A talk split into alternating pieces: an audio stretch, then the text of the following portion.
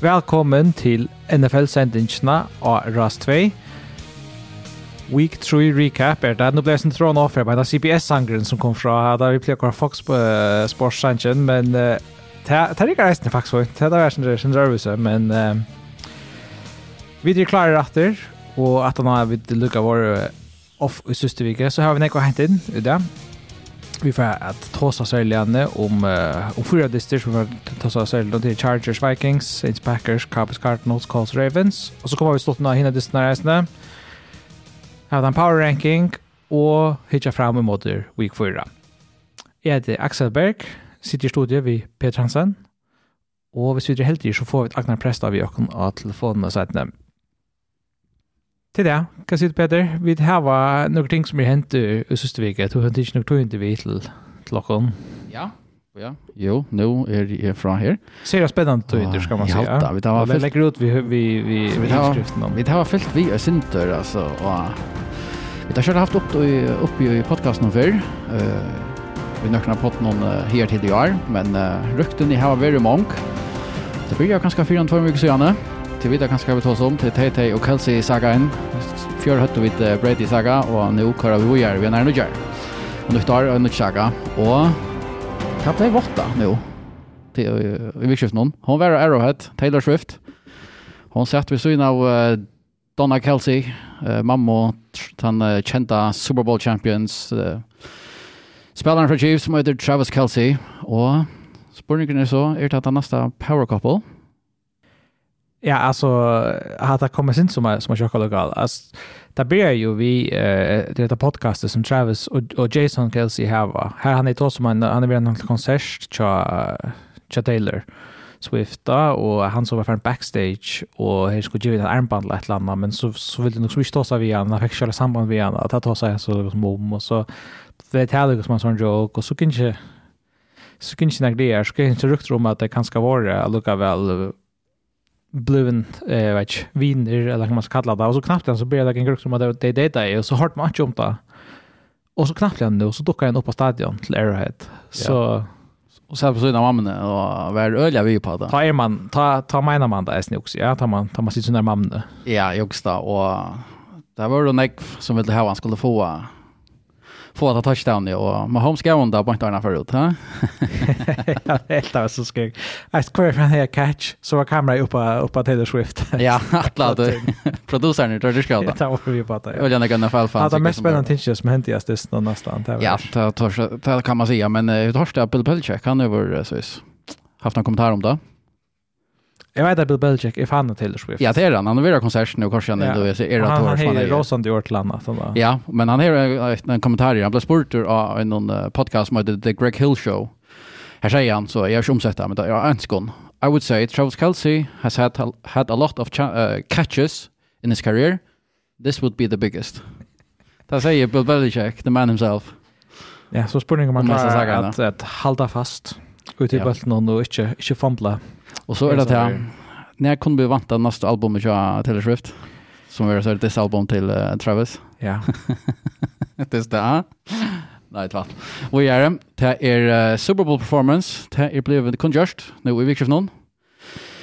Det är uh, han är känd för uh, att han vann ju Grammys kan man säga visst och han är känd för det lös som Yeah, Oh My God och My Boo och You Remind Me.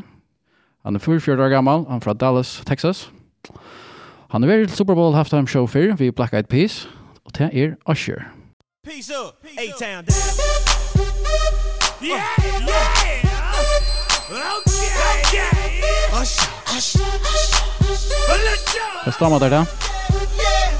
Alltså, jag halte att uh, Umunar, alltså Usher var nog så man ser relevant där tar jag tar versen yngre. Nu nu viskar det som om att det Louis inte färre. Eh alltså det var jag vet ju om Osher och Josh Nagar relevanta sista fem åren men det är ju att Super Bowl halftime shows är ju ofta när synte såna has-beens. Alltså det är ju mega nek att de så ordentliga relevanta stjärnorna som Taylor Swift gör ganska ja. Det kan vi. Det. Hon hever hon hever så där neck för hon får då ut där alltid hon hon är turné alltid i alla tunnar. Ja, jeg synes så, eh, altså, ikke det er mer damer for ikke Usher, men jeg synes spekulerer på her Usher liksom som nok er sannsyn til liksom å fytle en sort fullt halftime show ut. Ja, jeg har ikke hørt nek til Usher det sørste årene, og jeg Øystein til å Lise sin rommet som utkjøyten her, så viser det alt til at albumet som er i 2004 eller noe sånt. Ja, nemlig, det er det jeg husker, ja, ja. derfor at det er. Men jeg sikker at, at han kommer å ha land meira enn ein person av vissa innast. Alltså här kommer nok nøkre features stött ner isne av battle tycker vi. Ja, man stä. Det det där visste nu det är så arn att jag brukar det också när jag går. Ja. Så ja. Ja, ska vi göra det Det är det där bara lugga så att nu är det kontjör så. Alla popkulturen för det. Det är akkurat det. Så här spel. Det har hör till. Så att som är mer ordentliga NFL baserat till att defensive coordinator Chicago Bears han har sagt ju starve. Och ta ta første rapportene ur i mål de var öjliga ondaligare Altså. Ta jag vet til att alltså ta första rapporterna jag til att han som heter kallas for Pin of Tillman. Han är en gammal Chicago Bears spelare. Spalte till till till första och så halte han för till Bengals i ett år. Han får gå til et annet lig, halte av Bengals. Och han blev så retired i 2015. Och han är som nu en FBI-agenter. Och gjør jeg til att han var the lead on this case. Att han var också vis defensive coordinator FBI var efter honom allt möjligt. Men det visade sig att det passar så kört Och han är uh, han sägs ju starvet till att han är just akkurat så inappropriate behavior. Ha är av den Chabers, var bärs nivåer och och det det som det bottnar i så vi blir ju den klokare men han första defensive coordinator han eller alltså första stora vänjaren han är färdig i alla fall. Man tar sig att såsta är av av er inte bears ser vi skift nu. Ja, och vi knar inte oss. Ja, var helt vi och vi två. Generellt helt alltså vi förstår så om bears för syndrom om Chiefs ganska men bears Lutstein Lee som är nysmältning bäj offensivt och defensivt. Ja. Det tror jag ser. Det är så helt säkert och så allt som är Peter Asbjörn älskar. Vi älskar Skorgamis. Tack om en ett. Jag sa vikna att det var halvfjärs 20 syren Chad Dolphins i Broncos och det var Skorgami nummer 1070. Men annars så er det ikke noe nytt av nyttjørsfronten noen i NFL, men skjønner tar rappelen til som vanligt. Vi tar til en brøkpart av dem vi, tar som vi da kunne finne konfirma fra, fra i uh, Jar og Øystein Nekker som kom og i sørste vik, og nå tar vi ikke høtt en sending. Så vi tar til Nekker vi her, men uh, mer kommer nok på i kveld og i morgen og i morgen, til å bli der, så jeg kommer, rapporterer rapporteret inn til Men eh, jeg vet ikke, skal du börja med tackarna första? Eller ta första? Ja, det är så det Mike Williams, wide receiver till Chargers, eh slut crossbandet och ut i Arnon. Det en av de stora skärmarna, tror jag säga. Så Chargers really, som liksom vinner kappen Garcia session nu och man sa nog spännande ting offensivt från Diamond. Så han tar på inre sin där. Ehm Jimmy Garoppolo för the concussion uh, like symptom och ja, nu nu är det blivit confirmat att han är ferdig i concussion protocol. Ja. Och det är Carr som uh, är ute vid en ske i axeln. När jag ja, spelar det var ganska sån AC, Lis, Luxation, La Sub Luxation. Och det kan göra missen några viker. Ja. Det avskar ju synter men men det är kanske inte akkurat det linjen som man eller ganska sent så där Lima hooksar. Ja. Det det sa faktiskt något skott ut av dem och men Erkligt, ja. Helt just. Sen sier en chans å vinne sin divisjon, og det var det en tirsdag, men uh, Jimmy Winston, backup quarterback, så han visste ikke noe særlig. Uh, bright spots mot uh, Packers, men det kommer til nå 17. Uh, så er vi kommet til uh, Browns, uh, running back, Nick Chubb. Han ble skattet i Monday Night Football i sørste viko.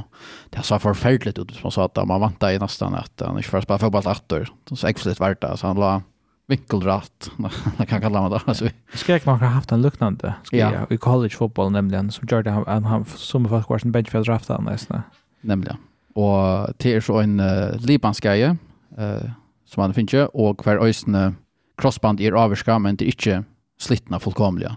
Så här är han väl att han kommer åter Arne Sesongen Lio, Sia Tarkono är i Amerika. Och Det er så spørst, er ivist. Jeg tror jeg snedet, at Ivas nok snakk, og men sånn, det er Browns ordet relevanter da, så er man ganske kjødere for denne strabana, men det er en, en topp 5 running back i NFL, som, som vi vant, som vant at det er ute for året. Ja. Chan Lee, som ganske tar det at drømme lydsenter om, om å bli for relevanter, så det er erkeligt. Kjell om man misser disse spillerne, det er alltid jeg spiller som, som avskårer. Det er det, og så Dwayne Johnson, tja Jets, left tackle, han skal velge blindside, tja Tja, ja, nu är det alltså Shower Wilson, Zach Wilson och han är så finns jag skriver om jötna för en uh, injury reserves. han, han misskus ju för det där. Till en smöjter för till linjerna. Till hon värska åren så vi ska få en backup in och trät. Det är förfärligt. Och Packers står över här slakten de första veckan. Här är det Christian Watson och Aaron Jones och David Bakhtiari tar alla week to week. Tar spalt nu i uh, bäj tvär och tredje jag hoppas att vi atlar nästa nästa vecka och jag packar här har jeg bruk for dem. Men takk om at Øystein har ösnina så er det med meg. Säg Juan Barkley.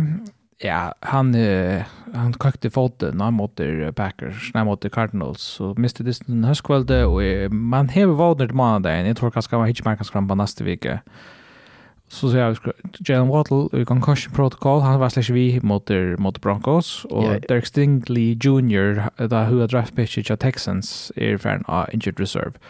En ska som vi uh, vi också vi tagga bara Luca här på nu nu är det ju två veckor sedan men uh, men vi har ju Charlotte om där vi haft några sändning så igen men ja det var också med över så här att lilla. Jag vet inte vad det heter Monday Night Football i uh, det. Men läste du inte där att uh, Nick Chop var nu, yeah. Roger Rodgers första veckan och sista Monday night sista. Oh, yeah. Där var Hamlin som är faktiskt jag vet. Ja, nämligen. Han fick göra stopp. Akkurat. Men han slet Achillesen av sin fjärde spel Alltså vi hade ja. brukt bäj preseason sentence now vi tog sexna syndrom att vi got recap on on Monday night. Alltså vi hade sån hype där syndrom på. Heter det i skriften ja och heter väl att det var oansak vem vi var väntar där för så var det rätt spännande filter vi och i föll bara alltså som NFL fjäppare så var det bara sån ordentlig ny turer. Att inte släppa alltså såcha gossi hatt eksperimentet for å folta sig ut. Vi Aaron Rodgers och Jets, ødel for 90 år, Eh, jag vet inte hur du upplevde det, men I think som jag sitter spekulerar på eisen, det är kan det vara att en Rodgers omgår det kommer rätt i NFL.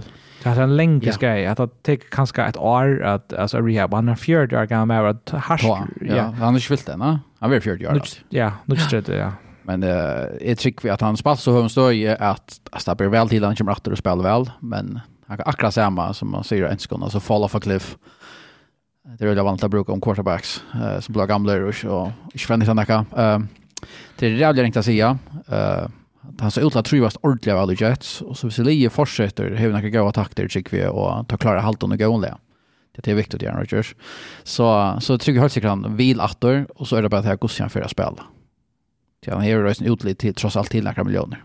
Eh ta tar man spelarna kanske för uh, retirement och så får stadigt kvar så väl halt inte klaverspelare. Nej, och det ser ju nästan spår när Kokos är han egentligen en fyra till till nästa år. Är han klar eller det för han missa sin training camp eller. Ja.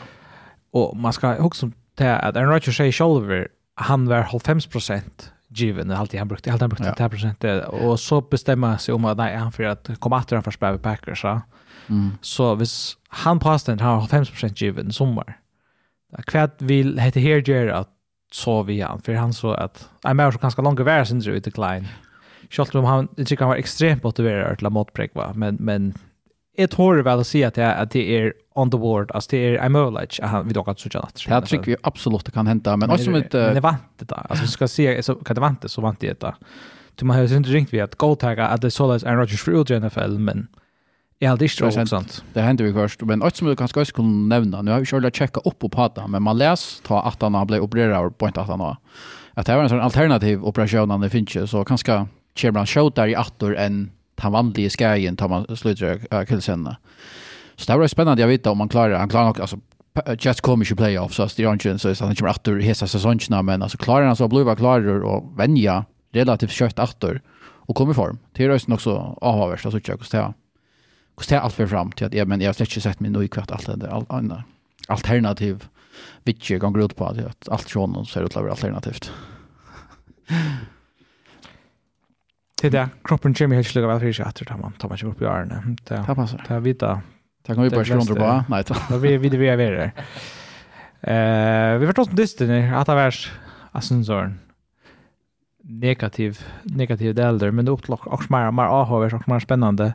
So much time being wasted here 12 seconds when Cousins gets the snap. Steps up throws for the end zone deflected and it's oh, intercepted. Kenneth Murray after the double deflection ends up with the football and extinguishes the Vikings hopes. Vi börjar vi distan och i Minnesota. Det var två som møtte Cornøron som uh, begge tvei hadde vågner om å komme playoffs. Uh, tar det seg, og som har egentlig ikke om seg. Kanskje enda hadde drømmer om at Super Bowl eller hatt på Men Berlin var 0-2. Det var Vikings og Chargers som møttes, og vi vet at her fra NFL-søvne at blir du til kampen går 0-3, så er det øyelig trubbelt at komme vi i, uh, i playoffs.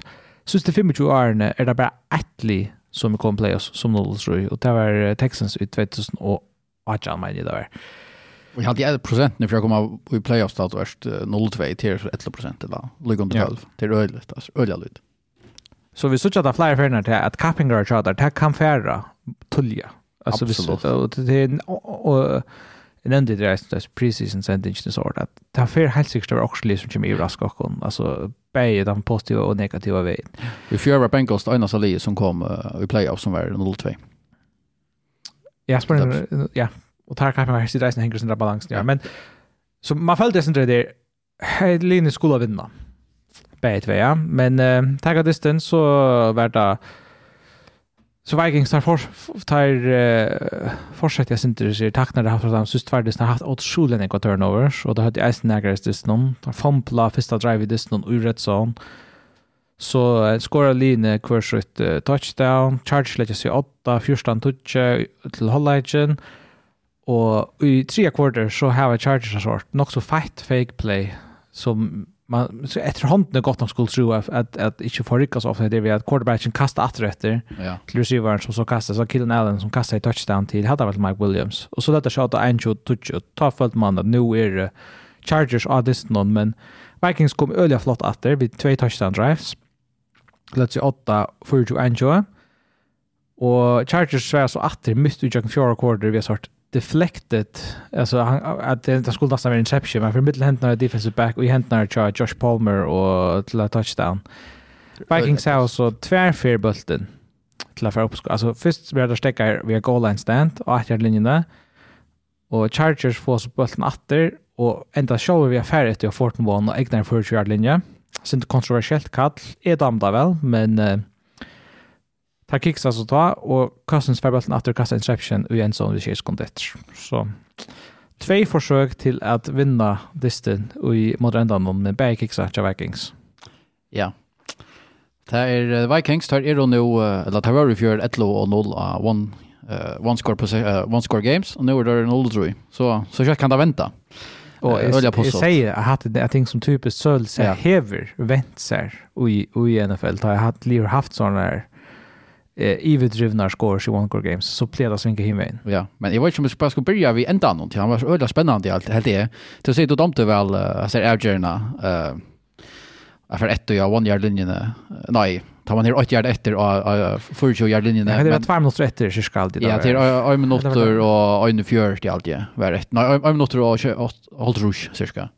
Eh men samma gör vanligtvis så är vi samtidigt där men akkurat att Chargers Alltså jag också att man så så så sån om kultur och söv och så rätt alltså är nästan med bunch för att vänja en recorder vi sen. Vi har tappat något. Alltså jag hade så typiskt Chargers att tappa det när var så dumma matter. Och hade det varit det ultimativa. Alltså vi står tappat på andra vatten. Alltså Lucas Lucas som bit a Star Wars tar som spalt och såna starters och vi fick Sejan mening ordliga upp till en dist sørste og for uh, var det Kinn Allen som ble skattet, og vi stand her og bråkket oss og sier til typisk Chargers og gjør sånn, hva gjør han da, og at följde att att Havertz inte samma ut og sitte sagt hvis han sen kickar. Men Brandon Staley Hever nemlig. Nej, ja, Vikings har vunnet.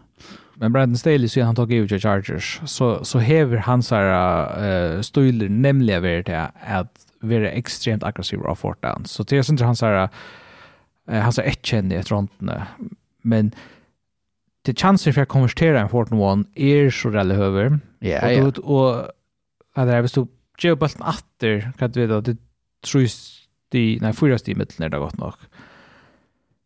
Till alltså till till Kirk Cousins och Vikings som har haft några playmaker all upp någon. I skiljer väl att man säger vid för upp och runt lucka Disney. Vi trycker på att vi kan få en yard. Och det är det är livet för det du just har gått något stängt nemmar för det där men men är är halt det alltså så också där kvärt är det alltså så vi ser helt vi Vikings då så hej jag snu också så jag helt vill jag haft jag ska bara ponta joke med bara natter ja. Stäv för du så fast den är så just lever ja men problemet är bara att fick ju runde, det när jag säger det, alltså du har Joshua Kelly som har uh, ett low carries för 12 yards. Ja. Per han som fick bollen och att du gör till spel någon och så är då Justin Herbert två carries och Etlo Yards och Isaiah Spiller, Tver Harris och Shea Yards. Alltså, hej du haft en run game. Rush Yards på 15 attempts. Ja, alltså hej du haft ja. ett gott run game, Jung Diston, jo, självande. Men det är det här, alltså det är... Nej, och du har stora där. Play och att det är helt play call vad ska. A fullback run alltså till är är inte det rätta eh till alltså tälla jag vet inte shit shit rätta men det är inte synd chill play call. Det är kanske helt Så upp shotgun eller ett land och kanske få på att att att kasta han eller kors och och och alternativt rens med men eller snika bulten ja. eller katter men det hänt så men så får Vikings. Vikings ja. tar sitt till er tar red zone offense som switch där med stisnan där är fyra färnar i red zone. Får en touchdown. Ja och det allra det allra sista alltså det sista drivet som vi tar som nu. Mm. Alltså det är ju pura förfärligt. Alltså tar få bara snart vi en minut och en fjärde eller fem fem fjärde eller så.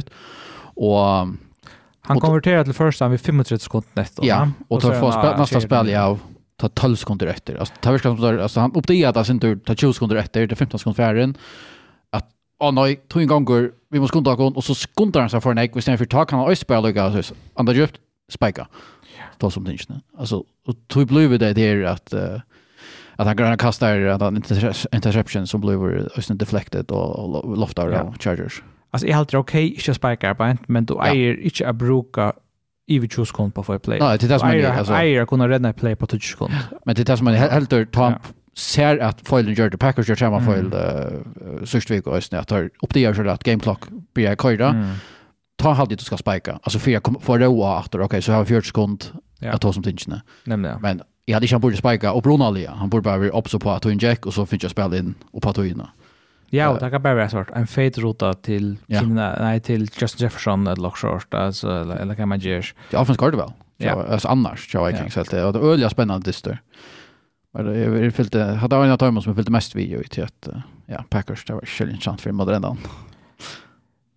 Men eh, som sagt, när det är några avgörande som, som kicksas inte i vet inte så att jag ska kritisera därför för förra nek annars, men, men där, där har haft feiler nek vi den vi där det historiska lyssnar och där därför helt säkert inte att på sig jag vet borde alltså vi borde visst köra något tror jag där man följas nog så tungt vi men så där men då ja. Chargers i main jag vill säga Justin Herbert spalte en fenomenalandest alltså han spalte helt otroliga väl han kastade han var fjörde ut av tjej fjärde 500, 405 yards, 3 touchdowns. Alltså, ett plakt, prakt exemplar av en dyste fra, fra og vi har et rennespel slett fungerer som vi sett i an, ja. Til, eh, till klassaspel och han med som, som jobbet jo allra mest disten, det var Keenan Allen vid 205 receiving yards, och så kastar han nästan i touchdown, och man har det. Det flott. Till er, man, man följer som sägs, ta hetta lie, køyre väl, så är det där mega farligt. Så spurningen er om det så, nå, er det, nå finner han første sier i år, om vi tar så ikke kunne gjøre skalden i eisen i UFC, men her gått nok nedkapping. Her er nedkapping, men Chargers har li, li, altså talent i alle innom til at absolutt gjøre skalden.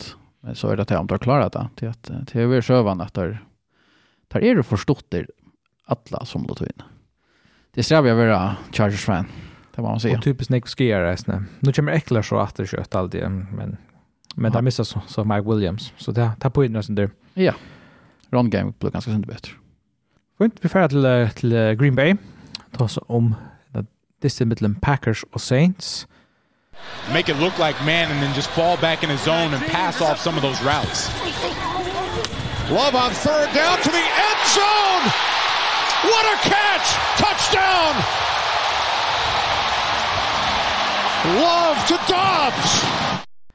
Ehm två li som Jag tror jag ser sin positiv överraskelse. Har det gått jag kan säga eh Brian Arnolds och då blev jag sen mera ahover dyster än man kanske kunde kunde se för sig. Så Saints var 8 6-0 i Hollage nu. Men det är en av varje sort punt return touchdown som där fick och hit var allt en stort band där fick att han har en en en, en turnover. Men um, så för där kar ut vid en skia Og at han og det, så kommer Packers flott atter, skår 8 sti i fjorda korder og vinner dysten. Ja, altså 18 stiene det er en, uh, så har gjort øyne for fyr at det er mekna skåret sånn ekv.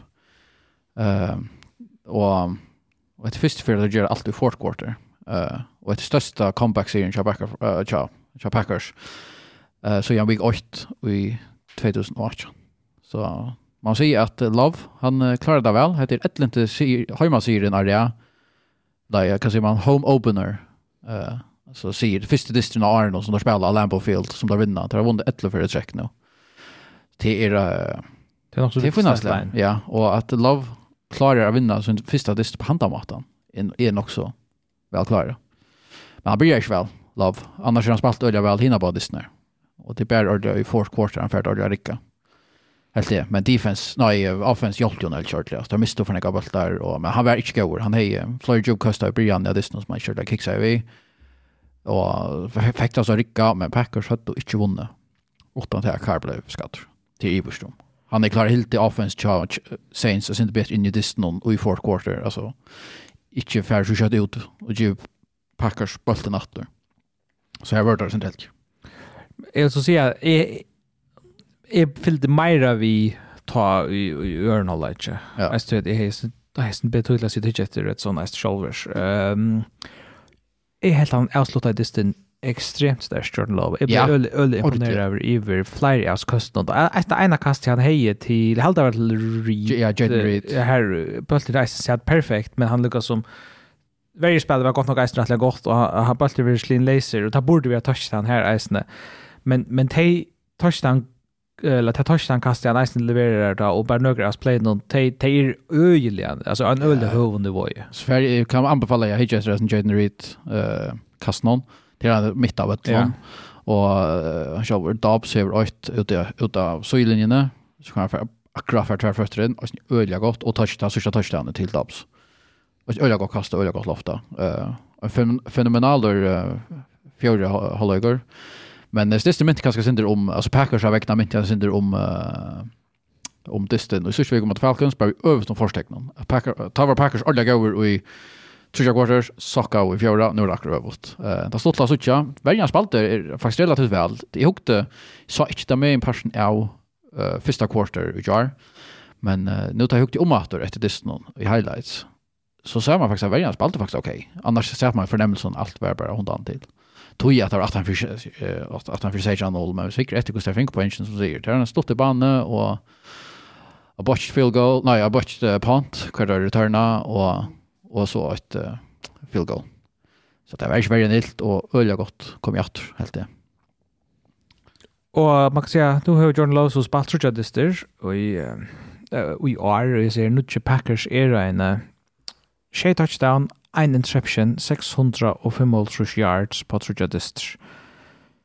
Til ok, ja?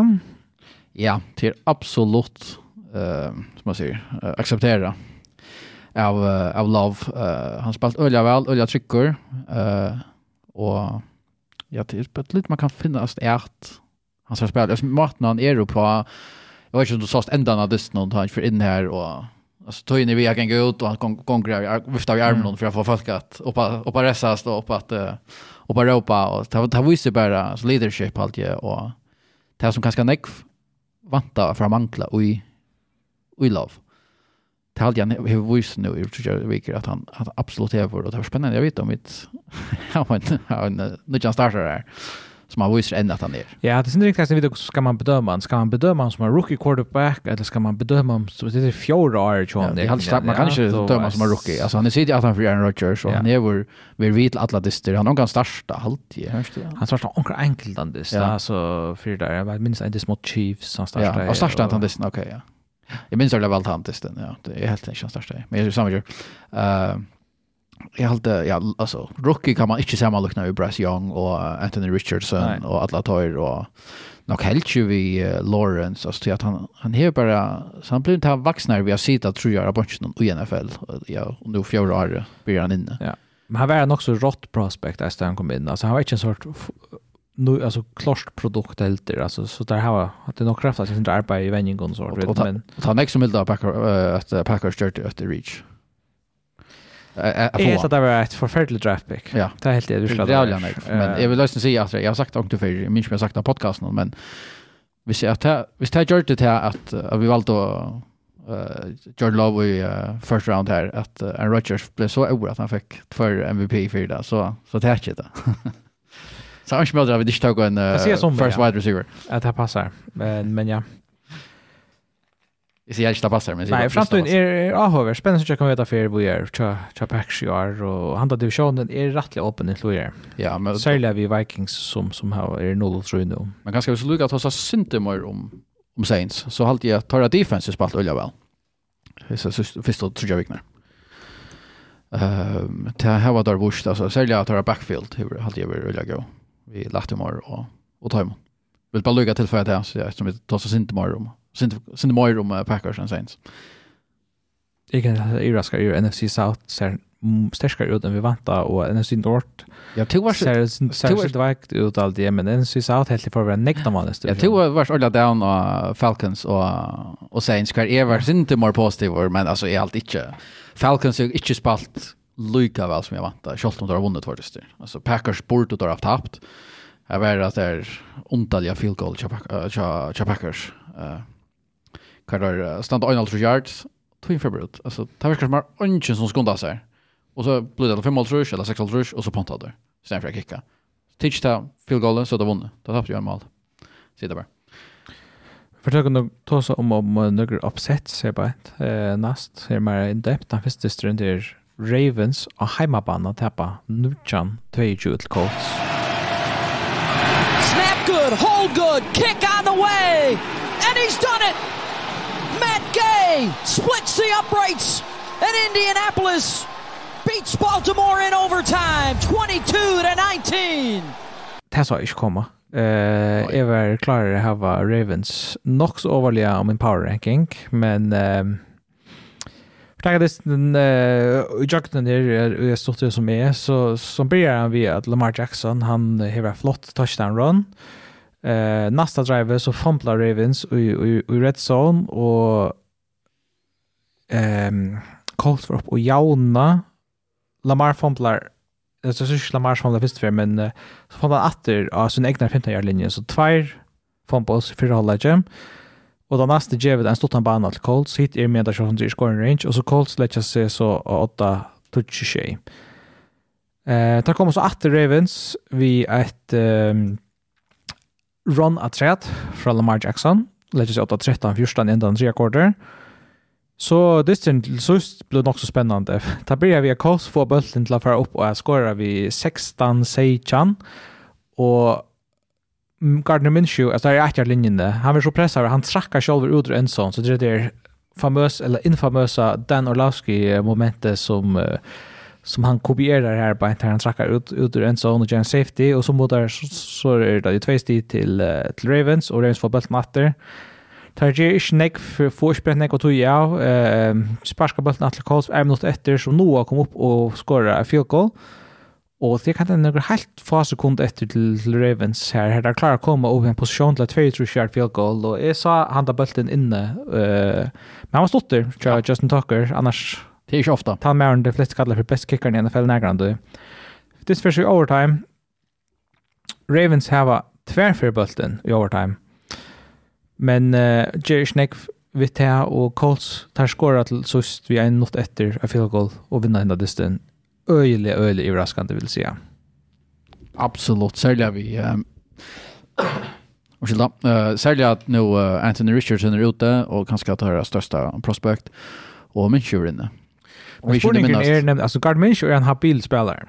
Ja, han, er, så, han bare får, sinte for opp og nyer. Ja. Og, men Er han kanskje en bedre quarterback enn Anthony Richardson, bænt nå? Eh, på en måte kan man si, altså på en måte, altså på en måte kan man godt si ja, til det halde just inte han själv Anthony nej Dalton. Men för någon. Men Dalton visste det där i distan om för Panthers. Han är för Bryce Young, första round eller first overall pick. Och han visste ändå att han dog som 6 år gammal. Alltså här är dog i The Red Rifle. En han helt han in i distan i trick vi inte att Bryce Young helt klart helt han in i distan. Uh, måste säger, jag har kvarspalt där mot där, minns. Uh, samma grej. Seahawks. Jag spaltar med Seahawks. Uh, men uh, ja, jag har inte känt Och tack, jag tycker man kan göra samma argument vi Garner Minshew. Han är en sån gunslinger. Ta färre hans lister som man klarar att hålla dem inne i. Uh, Särskilt att ta hit ligger några höjder. höjla för man lysen ratter så var det ju också självsamt att rookies starta i sin första år. Att det var något vanligt att fick få en veteran in Luka starta men han kunde släppa sitt och lära och det näck dömer och quarterback som sitter alltså till Patrick Mahomes att han för Alex Smith i ett år och då så att Jordan Love igen men bara näck vi spelar här var just det men det blir mer och mer vanligt att man förväntar att du har ett, ett, ett första pick säger att en som är så topp top 5 topp 20 rand topp 20 pick att han ska in och han ska starta han ska köra Og da setter en sånn under rettelig nek press, men akkurat hessar støvende, nå er Colts 2 og 1, fremste divisjonen, ødelig linja ta er 1 og 2. Då är man kan alltså argumentera för jag skulle man egentligen helt fast i Gardner Minshew i en tog, men med hivin så snurr det sin är snurrs nog mer om att utveckla Anthony Richardson. Ja. Men du kanst eisen gjera, gjera en quarterback en av bjadna tennaste. Mm. Vi har starta starsta negrister, vi sa ikke er klar til det. Ja. Og her halte jeg nemlig Anthony Richardson er ganske klarer ut fra den forskjøyden som Colts hever. Och han har spalt väl i mån till Bryce Young. Alltså han kommer in och ett offense som är förfärligt. Och offensive line som är förfärligt. Och hvis du just hade här tycker vi...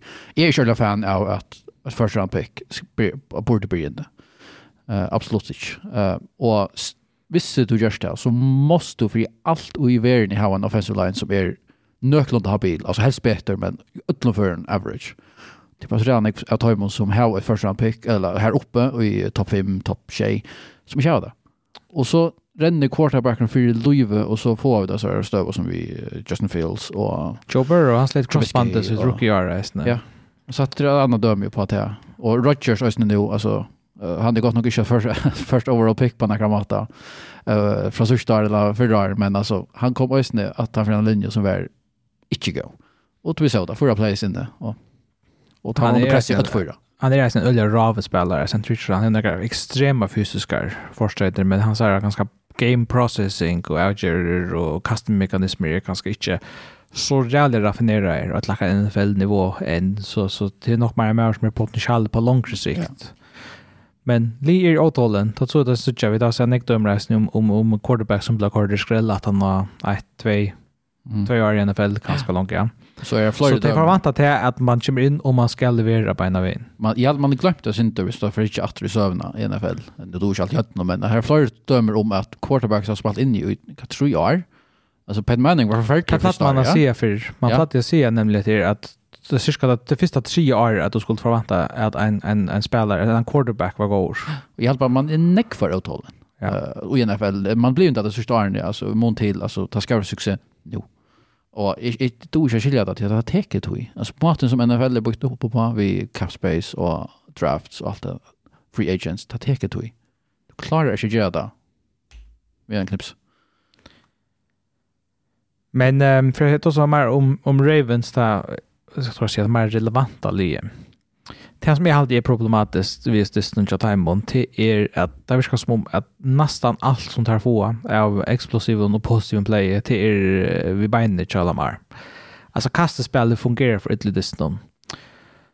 Det tar jag säga, det renner för 106 for yards, kastar för 108 yards, Alltså flere rush yards än passing yards mot, mot Colts-verien som inte är känd för att vara en särskilt sterk verien det er sinte problematiskt. Nu är Odell Beckham har gått nog ut, det är just någon. Um, men tar hava en in i mitten en tendens til å strujas, tar der, tar der, uh, ikke renna for akkurat det som der vilja, eller så leis, altså at det er en veikleitjen Kjallamar onkdønner, at han sier, han sier, en leitje til, og lomma noen elevera deg, det er jo det tingene, er ikke av de allra högsta nivåer inom i, i NFL än i Ötlförn. Ja. Och så halte jeg synes man for då så om att här possessions det här i overtime. Det var et 14-6 av 44 yard linjen i Chacals og det var ju ponta då. Det halte jeg er en øyelig vanlig ager. altså det var nok skje mot rätter. Och där får enda vi får bara slatta ena for att rätt. Men ta måste vara. Du kan ikke ponta bulten av motstandarhovene. Mm. Vi, vi, vi, vi 14-6 i overtime. Ja. Och sån är för tar det 14-3 och for när jag linjen det kickar så bara. Eh, tja, hade att att att att att simpelt kastspel som som kickar. Så I lose inte alarmerande tap. Alltså det ser maten där tap på är är är Chailer. Ja, absolut. Om man tappar mot Colts på andra mattan. Eh. Jag ligger så bara oorganiserad ut helt det. Eh, alltså det var för en eurot och det någon. Ehm Så, men det flotta flott av Kols, flott av människor att vinna något dist. Det är vant att jag sa Blister börjar nästan. Jag ska inte det första play alltid där men till för början tar komma där nästan vi en cornerback cornerback blitz på när och sacka Minshew ta vant att vara för nu. Alltså det make now här på när Men uh, tar vurst sig att rösa sig och och vinna den disten uh, Matt Gay han var god word hade mål. Han skorade i kvart vart det fyra field goal. Första kickaren som skorar uh, fyra plus halvtrusjars field goal i NFL og gjør det dyst. Det er, ja, det er nok så troligt at det ikke er just for det halvdige. Og så er det en annen rekord som Østerberg utbyggt faktisk. Til at Lamar Jackson, han uh, kastet for Ivor uh, 20, nei, Ivor uh, 200 yards, rushet i for Ivor uh, 100, skåret i uh, 2 uh, touchdown, rushing. Og ingen annar i søvnens NFL har gjort det her for, utan Lamar, han gjort det her Det Hette var ære for. Det var så stortlig. I alls facts fra NFL er nok så stortlig. Det er en øyla precis i request. Så det er 200 plus, 100 plus. Så statline. Ja, ja. Alltså, ja, det har gått være øyne som har gjort nästan han akkurat det samme. Alltså, men ja. tvejard minne. Og så er det en spyr. That's the big challenge is if you spend too much time worrying about Micah Parsons, they've got other good players to hurt you. Here's Dobbs with room to the edge, and Joshua Dobbs gallops down the sideline, makes the cut inside the 30. 43 yards for Joshua Dobbs. Ja, han uh, systestyren vi har tagit mer in-depth som vi tar over overskår som vi brukar. Det er Cardinals som vinner 28-12 mot Cowboys. Og det stod i utskriften til det er Cardinals faktisk. Det er, er det bedre i Atlantisten. Altså, det tar ikke dominera men men där är det fakt alltså det er ju kontroll från från början ja. Alltså där å si 8 0 altså, et touchdown och field goal. Så halte där kom på 15 3 och få ehm två field goals så att Holaxton 21 touch till Cardinals. Cowboys har så två red zone drives som bäg två eh man ska ända via field goal och det blev 16 21 och så svär Cardinals öliga flott att vi har touchdown drive i fjärde quarter och till 16 28 och det stämmer definitivt är det tre minuter efter ta i Dak Prescott. Annars också man tar nu nu är det i red zone ska touchdown nu och få bollen åter och ska touchdown åter sen det som som Giants gjorde just vecka mot Cardinals. Men han kastar sån interception då en en nog så chill interception av Dak Prescott. Så för att tagga Cowboys vinkeln Fem drives i red zone, ett touchdown. Det er en, det en dump karakter i NFL. Det er det absolutt. Altså, ett touchdown, två field goals, två turnovers. Det er, det vinner du ikke distro på i NFL. Det, det kan man ikke vinne på. Og jeg tror sier at, ja, sier man omgå de vant da, det var han absolutt ikke, men her var lykka øyne tvær minutter hver jeg bryr jeg på sin benchen. Uh, ta, ta Cowboys være av om man tog ta øyne drive mot den dagen. Eh uh, man bara man sa där bara för sig att för kicksa för Cardinals sattor. Tar vi fram längs fram för den ut för district check och kicksa i en dagen. Och tar vi är inte bench för er men at det var en interception kommer och tack så visste man att det var att nu var sloppet check Cardinals. Jag tar tar spalt väl. Dabs var ölla går. Helt det offensive linjen. Eh uh, spalt ölla väl. Tar det styr av Cowboys alla tog som är sent underligt. Så jag kapar sig defensive så jävla gott, men tar det kanske ja, en skoj som glömt. Trevon Diggs. Ja. Han skatt. Season ending injury. Jag håller en pectoral muscle i brinkna. Ja. Eh, hände hände vänje nämligen. Ja, då vill sminka vi, men ja. Ja, jag har glömt han. Glömt pura glömt borsten, men det är ett Tre nöjlig mister. Jag har alltid hänt frisjöda en lockshort. Ja, frisjöda en lockshort, ja. Men så har det hänt överkvart. Tre står ska jag kjöta hem, och bäst cornerback som där här var, by far. Ja. Och nu tar jag också om det, akkurat samma jag. CJ Gardner-Johnson tja, Detroit Lions, akkurat lika viktig spelare. Mm. Sint samma typa. Ja. Yeah. Uh, blev ösenskatt och Disney Monday Night Disney Eller att ta när spalt. Var det Monday Night? Det som det. Det spalt som det. Ja. Han är ösenskatt. Lika nämna det för det vi. Um, men du nämner det vi Cowboys. Alltså det distan någon gång det är vanta, men det är ganska helt alltså du ser att det har kontroll av det. Men alltså Cowboys här definitely more like. Ja. Alltså det är snön. Alltså det där, som sagt, Holkstone, 21 toucher. Men alltså två två drives är rätt såna. Alltså så här det är svårt touchdown. Få att touchdown bara ena hästen driver någon. Ja. Så är så är det så där like basically. Och där har var bulten att till sist. Ja, är rätt sån. Om också det tror jag måste rätt skott i touchdown nu.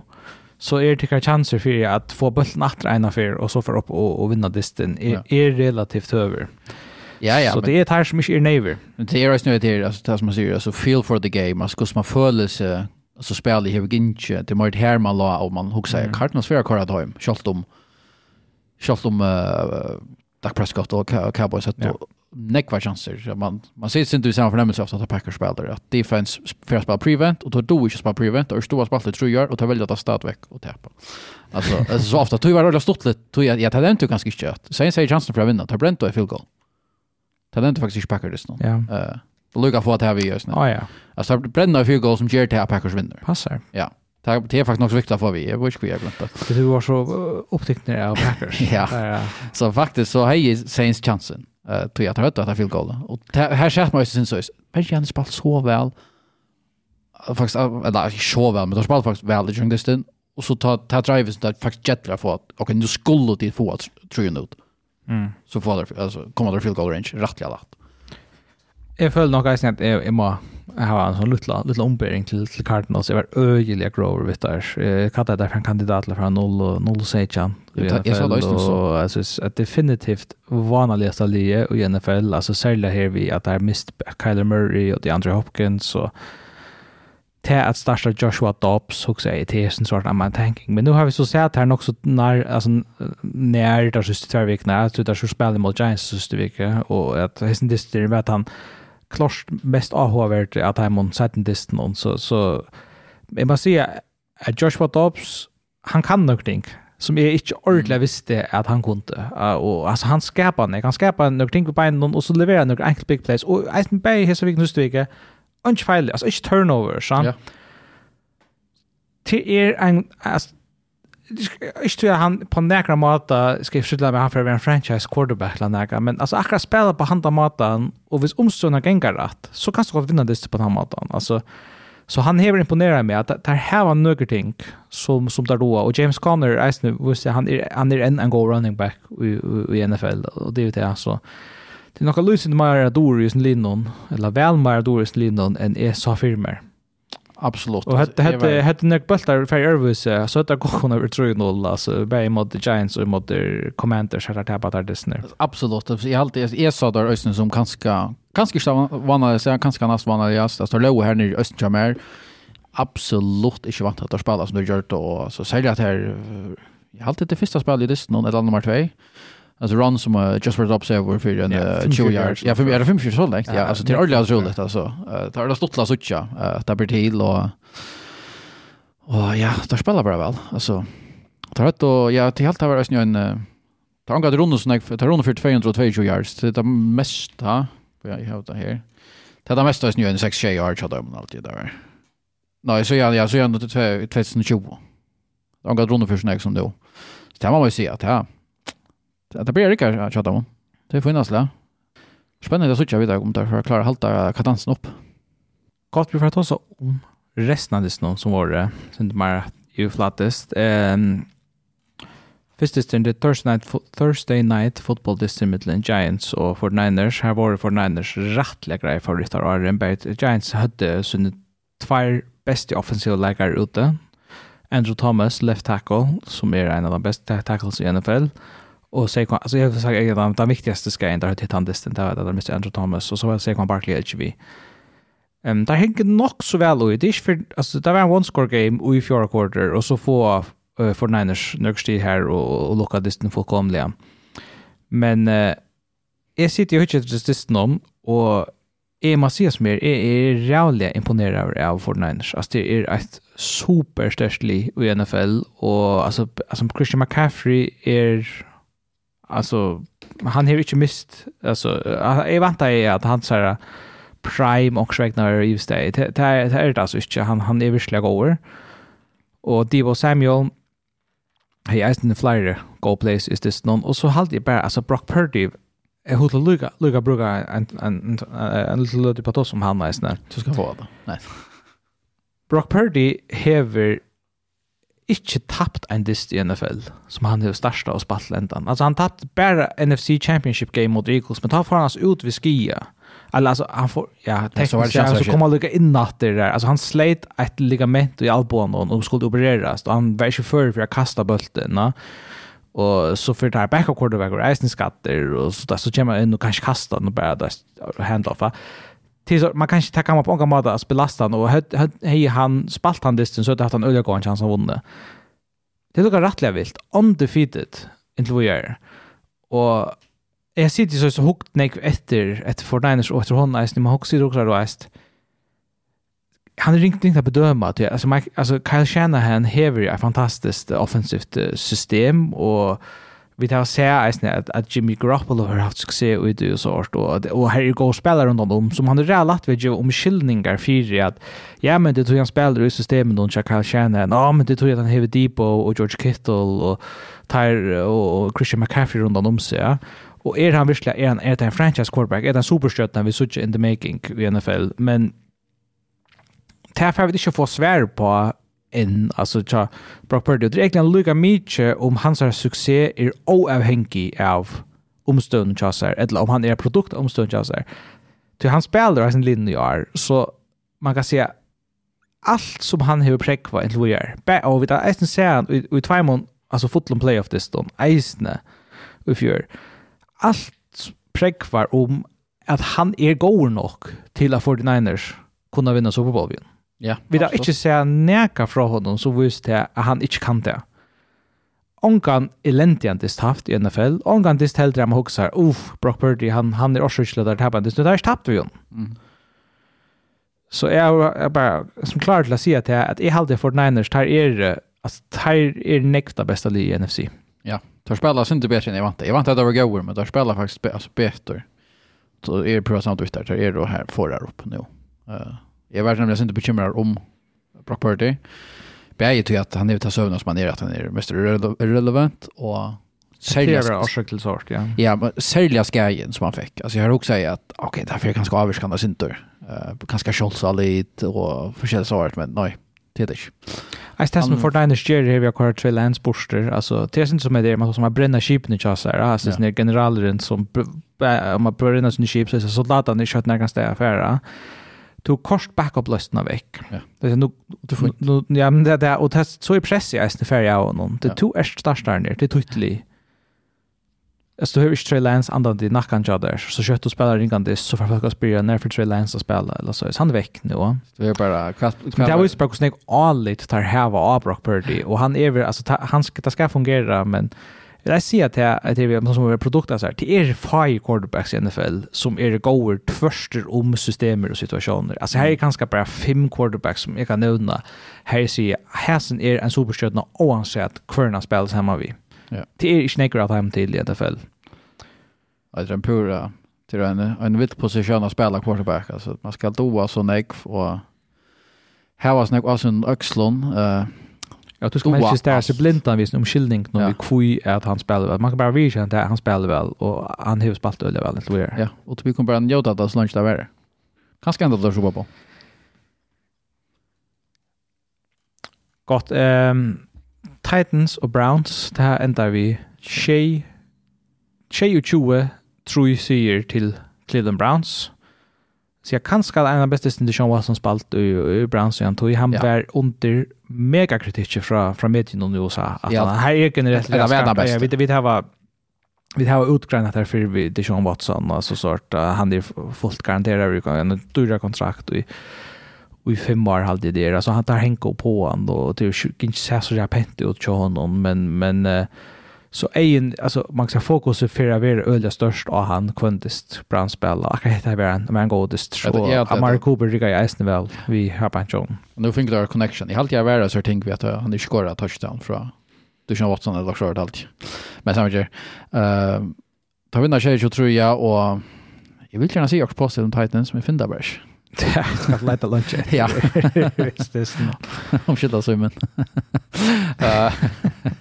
men ja, jag kan jag kan annars jag vill säga man distan till är till att jag alltid att det är den bästa distan som uh, som uh, Dijon har spalt. Eh, uh, tar vi när jag tror fullt upp på det, tar ju 2-8. Ja. Och jag till Falcon Alliance. Hetta så snö distrikt Falcons. Inte så gott ut. Offense Rick Berger. Ritter han spalt inte nokka selja vel. Eh uh, och ta Han spalte finast, alltså okej okay, mot Packers och häst det någon här. Här var pack, uh, Lions bara bättre. Löj är Bishan Robinson bara have touch carries i det nu. Ja, men och vi fick ut yards gott nog, men men ja. Men det är det tänker aldrig som jag har hört uh, vi Arthur Smith, vänjaren till Falcons att han tror så mycket på uh, ritter att vi för ett stats så att han Jerons Alex Halianek uh, köst i mån till att han kanske borde haft. Ja, alltså han har fem och fjärde dropbacks. Ja. Alltså det till, till Ranik. Ja. ja. Shaysax. Ja, det är för nek. Alltså till, till så du riskerar att det blir sådana dropbacks. Istället för att pröva vid run game först. Du just has trouble för din quarterback. Istället för att Jevon där nem alltså få följs av att bulten flyts och att Jevon och Sandra Schultz lite bitch we are på. Men uh, ett annat uppsätt eh hade vi det kom till. Man kan säga any given Sunday. Shay och Tret för Sejan, Texans som hade Jaguars. Har du sett det komma?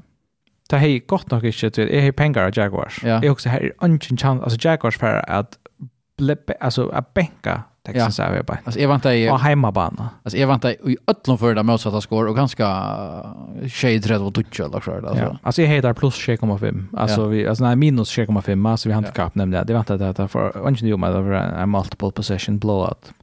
Ehm Um, Har jag inte gjort. Alltså det tullde en ju nå men jag vet inte för så alltså är är have you ever put off vi vi Jaguars ångsväckna alltså det det är inte så här imponerande och där står struttes relativt näck för mot Colts week 1 Ja. skorar inte det nästa alltså real ut mot Chiefs så skorar tre field goal ja. Det skor inte mal ehm kvart älta som som som Gertas det Trevor Lawrence här okej ut men det är bara akkurat som att det här att offense ta ta strus ta ta receiver är inte några word. To att vi vi uh, mot the Chiefs.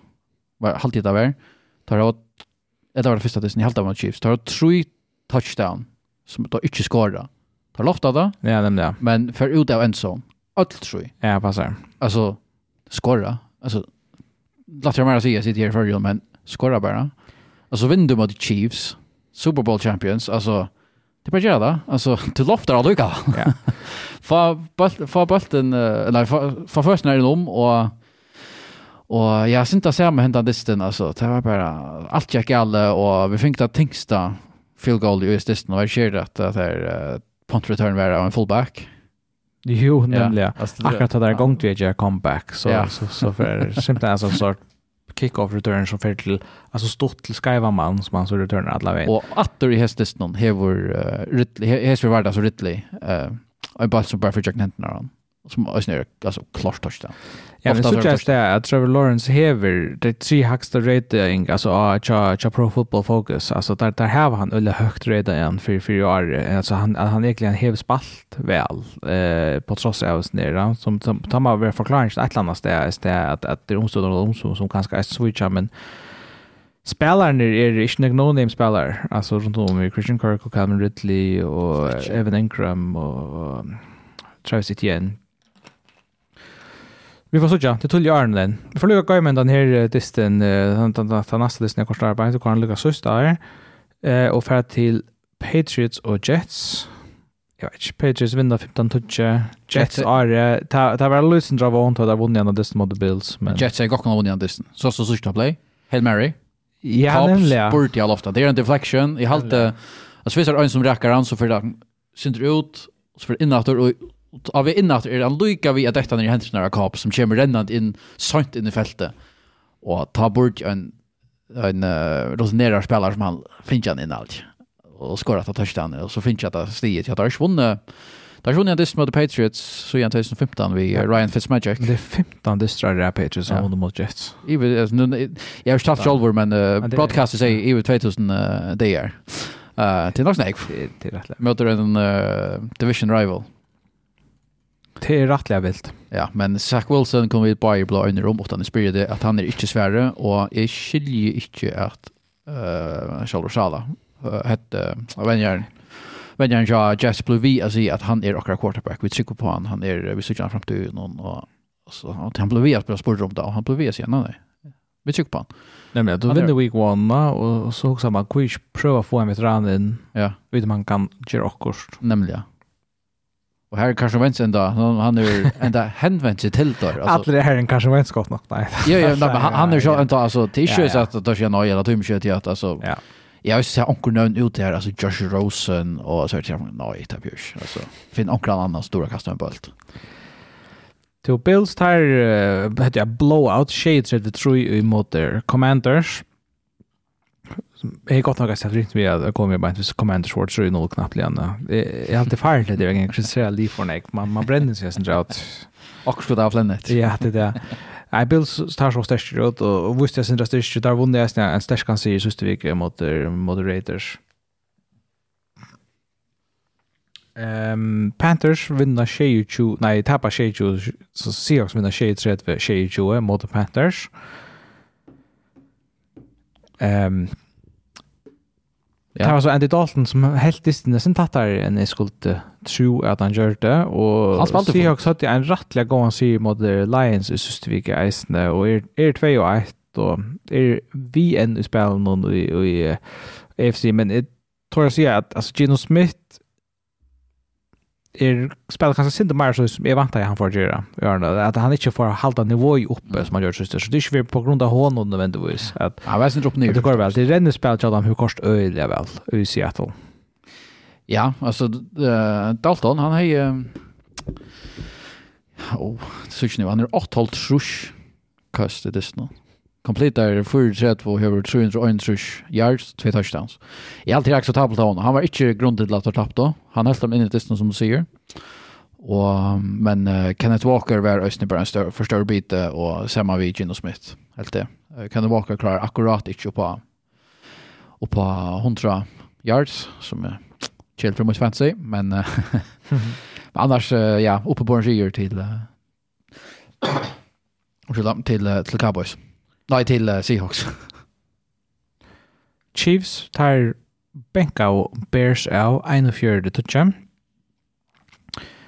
Tas jag. Eh, det var också att jag upplever tja Taylor Swift och att Lin fast någon av av Arrowhead. En hon galliga eller hon galliga touchdown till Travis Kelce är i tre kvarter alltid där ta ta stadion ordentligt explodera alltså och jag hade vi ikke hvordan kommentator var, man säger att uh, det ska näck för att Travis Kelce blir den mest populära likar. Ja. My Chiefs lead on.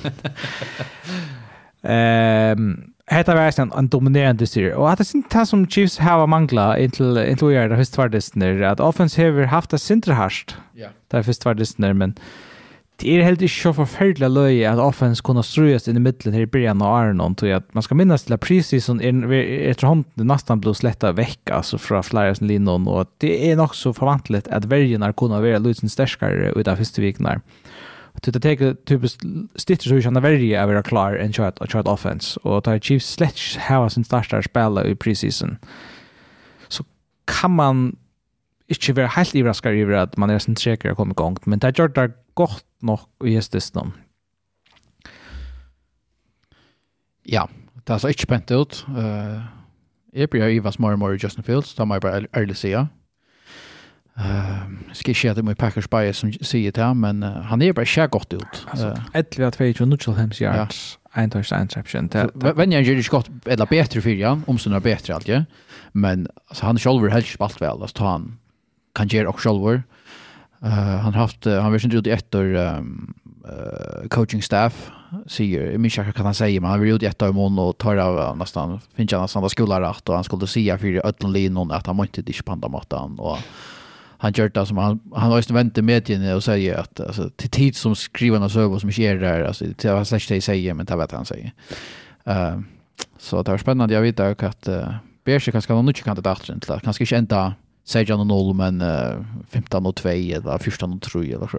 Det Ja, där tappade Nick vad det ser ändå. Jag vet inte om klass 12 eller så. Där tappade Nick vad det så där och det så otroligen träckt ut Charles Justin Fields i ödlen för i kastespel. Det är inte om att som rennar är han tatt alltså man kan säga han kappas ganska vill Lamar men det är att han den bästa running quarterback i NFL men men hans kastspel är extremt avmarska. Ja.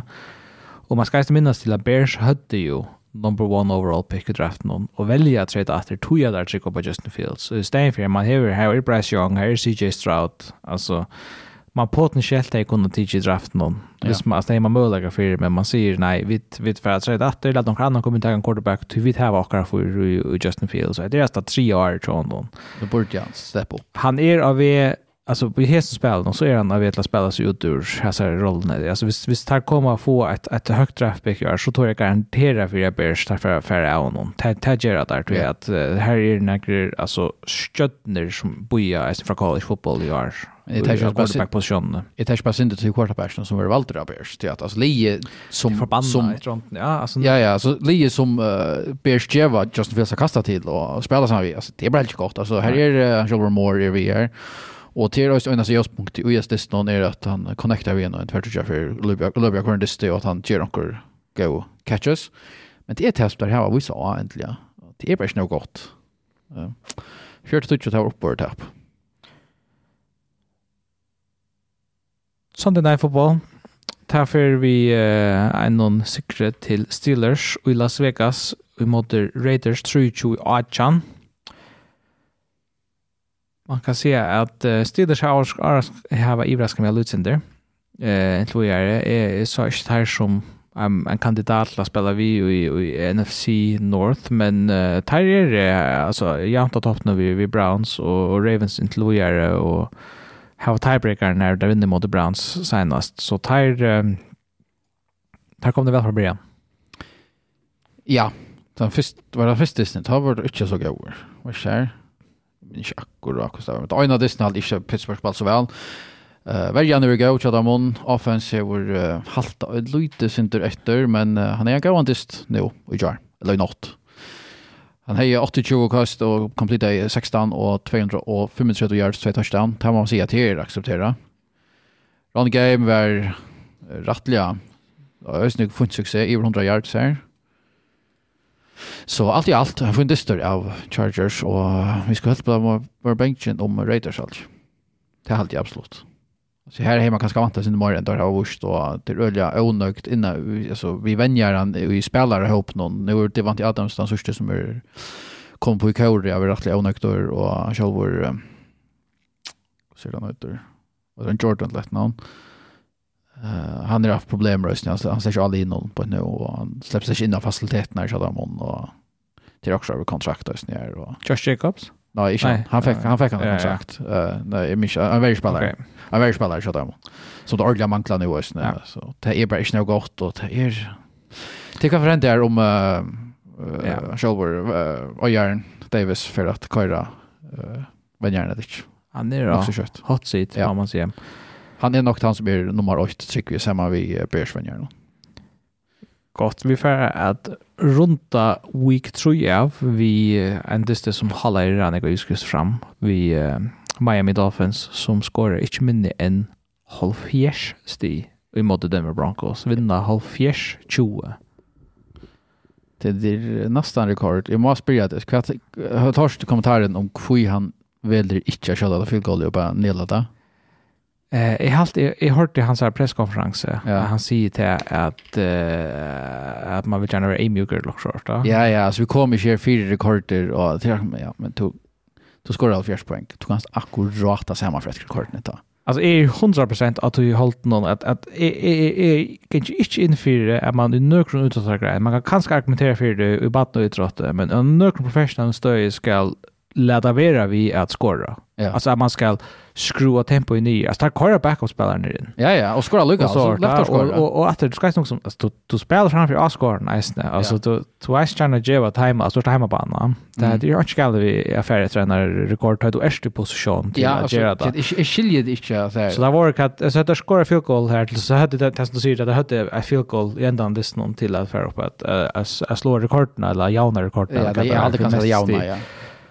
Eller gå till läsa det upp statline som sagt av fjärsti till skriften. Men alltså en av fjärst place i det någon det är också normalt men 626 yards det är svaglet i NFL att skora sån att få sån offensive yards, touch touchdowns och ongar turnovers og er perfekter i red zone 6 av 6. Alltså en fra alltså offensivt från början till ända bara fullkomliga perfekta dyster tar spela. Alltså två kastar för 300 yards, fyra touchdowns. Det var en A-chain kast rände för 203 yards. Ehm um, det får jag se yards på plats alltså. Alltså tar kastar för 400 yards, där ränner för 303 yards. Alltså balansera allt alltså det är otroligt. Mhm. Mm hetta offensive spelare och utan Jalen Waddle som är tar näst bästa offensive lägare. Ja. Här är ett citat från Illustrist efter Chris Sims som är någon scorer uh, analytiker. Han säger att han har week 1 hade två hej uh, 500 passing yards eller short. Ta säger han att ta i två för hitch attra this sist så det tydligt han hade kunnat haft över 600 yard passing yards sist någon. Tog att spelaren, alltså här är sån Plus, Alltså Mike McDaniels offense och Israel Alltså det är alla är supershot spelare av Lindon. Alltså där där är alla där shot alltså igen. Ja, alltså A Chain, Waddle, Tyreek Hill är alla mega shotter. Så femta shot alltså tog in här alltså route runs som man tar sig om i NFL. Ja. Det är allt uh, Dolphins spelare. Alltså Tyreek Hill är så tror jag att de har A Chain i Ryan och Ina och Mostert i Ryan. Ja, och det här verkar som att bara bara nu så kör det bara perfekt av dem rent offensivt. Så Det är spännande. Jag vet inte, jeg är Beint nu är er här tallet som er stortligast i Jester NFL, och Toa er dotten øde vel til disse rollene. Vi simpelthen bare, altså han gjør ikke, jo han hever nøkker av sånn her, jubekosten noen, men annars, då, han, han fordeiler det bare. Han er en ordentlig spillfordeiler, simpelthen. Ja, jeg hadde med ordentlig stortligast i som du sier. Sucha Dolphins, og Jag var ta vi tås av i uh, första sending vi gör. Kan vi vant av linjen. Ta vi er Sinter Down, av Dolphins nämligen att jag helt att det finns ju snäcka skejer och i alltså sista månaden upp till att också ah ganska väl där ganska ordligt vi är allugal, men tar jag bara präkva präkva mer skövan och köra bara het till det vill säga hype om det i sommar Jag hejdar som divisionsvinnare. Ja, det är det. Ja, jag har också bara så att ska jag till Ramsey, till Dömus och att han tar är där kan man också säga okej, kan ska vara, ta vara kanske här uppe men inte kanske inte för överst tog jag ge, men jag måste bara säga. I got proven wrong. Jag tror jag, man sitter så här skott och också om 4-3-0. Mm, inte kanske det som vi skulle men vår, det hetaste li i NFL på ett tidspunkt 4 och så så blir det där gänga ner backa tror jag att det kommer att ske i den här på och man sitter sin bench för och var tjej och noll, va? allt jag minns det inte men det var ju för eh utskrift när Tullio Arnon för Arn Arn 2 blev för ut vid concussion inte ena för men tvär för löp i Arnon ja Men uh, passande tidspunkt var det ju som en power ranking. Ja. Det här vi tog så det är fem starkaste i NFL på inte lötande. Så det är synder som kombination av hur det spalt väl, men, men eisen synder av projektering iver att alltså, alltså de flesta linjer har haft nu ett tab som är sin jailet, det är inte 3-0 i NFL. Så till som kvarje li är bara inte nu och halde är det stärskaste i NFL. Är du klar? Är det? Klar? Vi byrja av 15. plasset vi Dallas Cowboys som må straffast av Sinter at han har at dette tepe i Arizona.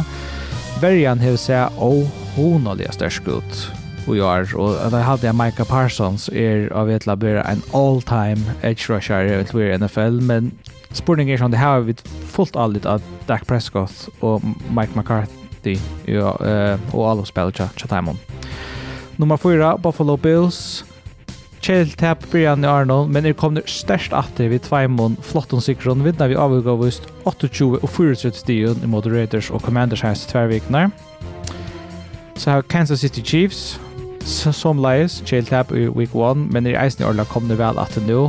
Det som er flott ved Tveimon, det er verjan her iverraskende størst ut tja Tveimon, og heldig vel på, på, på, på motstanderne, så synes tverrvikene alloppe tar vidare vid tar färra av er arbete därför komma och ta sova där i vikna. veckorna.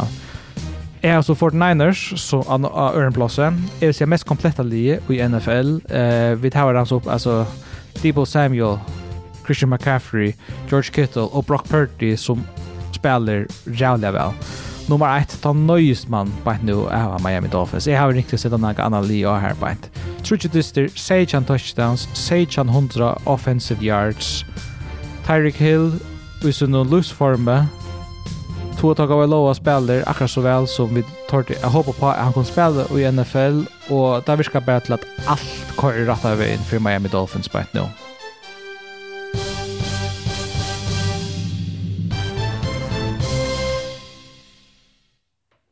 Flott. jo, go power ranking, kan man säga. Är det pura samtidigt nästan. Pura, här är simpelthen inte Nej, alltså det är inte något liv som pilka ur eller eller sätta långt upp. Uh, jag vill jag var klar att se den alltså så som Ravens hej gärna vill jag insett och hjälpa. Ja, men det kan du inte det tar det tappa på andra matchen. Alltså det är inte bättre än Cowboys. Eh, hade och Bills är då en så som är alltid starkare än Ravens. Alltså Ravens man visar sin inte mer ja, nu tar så det nu med two and one teams. Mm. Eh, uh, tar tappa Bills tapp mot the Jets som är snurrar ringly. Eh, men uh, men är så jag lägger Ravens mer prekvas jag synte mer. Bills har prekvas ju några år nu. Eh, och här var ta samma lie och det kan så försöka färra på vägar men eh jag hade kanske jag ser bort närkom men jag hade skärd alltså så jag bort Bills och Chiefs som. Eh, bort nu alltså det var ju på alltså Gustav har spalt. Uh, til mer til som jeg avskatta. Men jag hade inte bytt om alla men her er tatt takt med Hva Kan heta Super Bowl uh, ta ut preseason. Jeg Ja, hej. Eh 49ers og Bengals. Ja, Bengals og Cowboys. Ja. Ja. Bengals blir bra sin benchen om. Jeg har ikke hukt nu om jeg har sent live om uh, Burrow över vi eller ikke, til at uh, han er questionable till Destiny og uh, han selv var Rams-spelaren, den rookie, hva sier det, Nakua? Toto Atwell, eller Puka Nakua? Ja, Puka Nakua. Han er også questionable til Disney det. Ok. Uh, men jeg halte, man vantar han for å spela. Man vantar nok også bare for å spela, men han ganske syndemår. Tar av elevata og en quarterback at seg til Disney. Nu har det över in ja, ja det snäppa. kvar kväll du vinner kväll. Det är jag tycker jag där jobbar och det är inte riktigt unfair att välja alltså tror jag så. Ja ja, det är allt avgörande om han är vi eller inte om Bengals för ha näkra en chans alltid. Jag ser att det är att jag tror inte det är färre för dem där från 0-3. Det är mer, men Burrow har inte varit 100% eh, och till vad jag gör och jeg har hettla mer båter jeg sett han ut, og, og tykker mer han kom atter og var klar. Han, han har nemlig, han skal ikke han ble som kanskje reaggravated, han mm. vestna jeg sin til siste vike. Så jeg var rævlig forsiktig via snart. Jeg er helt igjen ute og håper på at man fikk det rikket uh, vi Joe Mixon i run game uh, och så må receivern steppa upp som det själv har gjort ju är äldre. Eh det är inte helt jag en halv skatta. Charles Marsh Blue var reactivated efter his fair. Så han är stadigt halv skatta. Jag tror inte Ja, det är det som är alltså och därför avskar spela John Owens. Eh men jag har Rams. Jag vinner. Jag tog väl alltså jag Rams att vinna. Eh jag går nog att säga att jag men det är förfärligt för Bengals för större 0-3. Ja. 2-2-0 i annars Buccaneers og Eagles spela. Det syns jag är dubbel heter Monday night. Jag helt man dammar av. Man dammar av fint. Uh, men, ja, det är, det faktiskt just för NFL-ger uh, två dubbel heter utsträck. Ja. Det är dubbel heter så stryk. Akkurat week 2 och week 3 vann vann vi platt man Jerry week One men är för sig Buccaneers för överraska Eagles kvöld. Ja, då är väl alltså inte. Så Eagles är urspaltna kan sälja väl. Uh, nej, och jag. Nej, alltså har vunnit sina listor till Buccaneers just nu. Bär linjen ganska Buccaneers ganska överpresterar sin tur och Eagles har ganska underprestera. Um, det var väldigt spännande. Ett baje distin jag är inte mätt omhalt ju så det är gott det ska bättre det helt. Ehm jag har faktiskt uh, Buccaneers plus 5,5 väl alltid där. Ja. Mot Eagles. Och heter Rams du Rams? Nej. Det står lagt på mig att jag vet inte kvar kvar um Burrow så att jag får något vis här på. Det står på mig att för att det cover the spread. Nej, det är innan det. sist. Eh, till så Is the Eagles. Ja. Is the Eagles. Höstkvällte Lions Packers. Och har det där. Annars alltså för divisionen där. För divisionen öl jag har det. Green Bay. Och ja, ska jag tacka han eller Till Packers vann så sist utan Christian Watson, alltså wide receiver 8, running back nummer 8. Två der bästa offensive linemen var det Mm. Östen Jote och det någon häst någon tar Helchvi. Så sist mot det mot Falcons. Vi tar inte vi så då vi inte så Packers för vinna. Det må jag väl ärligare säga. Det kan gå för en tattistor. Hvis det er en tattistor så kan Packers alltid vinna, men hvis tar vi så öjer Packers att vinna. Men short week, jeg håper det blir klar. Jeg får si Alliance. Det, ja. Jeg har vel liksom valgt her til divisjonsvinnere i januar nå. Og, har du spalt for? Anklis er jeg der vi går reisende. Ja. Må stabil. Jeg må, jeg må, jeg må halda, halda fast dem. Jo, jo, det tog jo vel å sitte at jeg får vinne. Men det er avhenger øljene ikke av av uh, kvar vi nu är jag fick slash vi att Jair Alexander Östne var um, skattor är blev skattor är dysten uh, möter uh, Saints och han var själv vi till bästa cornerback där här va. Uh, best linebacker för oss nu till dysten mot Saints. Så har vi den några skär på nu men det var spännande jag vet inte hur står tackla det och hur skatter tar det. Mastester, uh, Fælsundein her, heter er i London at uh, Falcons och Jaguars spela. Jag har Jaguars att där. Tar tar är jag sen efter hand blev att jag funnit alla hemma hemmabana i i London. Ja, jag vant jag Jaguars vinner då. Ja, det var inte. vant jag. Klan Holkundry ska man minnas till så det är Eka tull uppe eller Eka Tullian i gång till hitcha NFL på så så det är inte bara där vanliga 11 timmar där men skulle gärna hitcha 15 timmar eller yes. vad det blir till. Jag tror 14 timmar av NFL. Det blir snäpp bättre där. Dolphins og Bills i Buffalo det er, jeg vil si, den beste som jeg har skrånne uh, av papuren til, uh, til neste vike. Absolutt. Her sier Dolphins. Ja, jeg, jeg sier det samme. Bills er ikke... Men, uh, jeg tror ikke Bills er for litt favoritter. Jeg tror ikke det har consistency som uh, Dolphins. Alltså det gör här för onkel Foiler hämta sig som värsta fall. Panthers och Vikings, jag måste säga Panthers skulle vinna. Panthers. Nej, Vikings. Ja, Vikings, Vikings ja. skulle vinna Panthers mot Panthers. Annars, okay, Bayern borde ha vunnit. Ja, där, annars är färre. Tärda. Broncos. Jag vill säga, hvis ja. hvis, hvis, hvis Bryce Young spelar så vinner Vikings. Det har jag säkert. Broncos och Bears. Bägge två i kreppigaste 0-3 i Ja, jag vill säga att Broncos tog att Russell Wilson har vuxit mer i år än när George Rush där. Han vuxit, alltså, tydelig framskritt mot sørstår. Det borde alltså han sägs när vi är rättliga motiverar alltså till att till att visst också nu att han han var där nio smältningen i botter mot Dolphins. Ja. Så det här Broncos, Ravens spelar utbana mot Cleveland Browns. Alltså en öliga har det är där. Divisionsdistrikt. Det är divisionsdistrikt det är att det stretch vid lägga det alltså vi vi Packers Lions. Ja.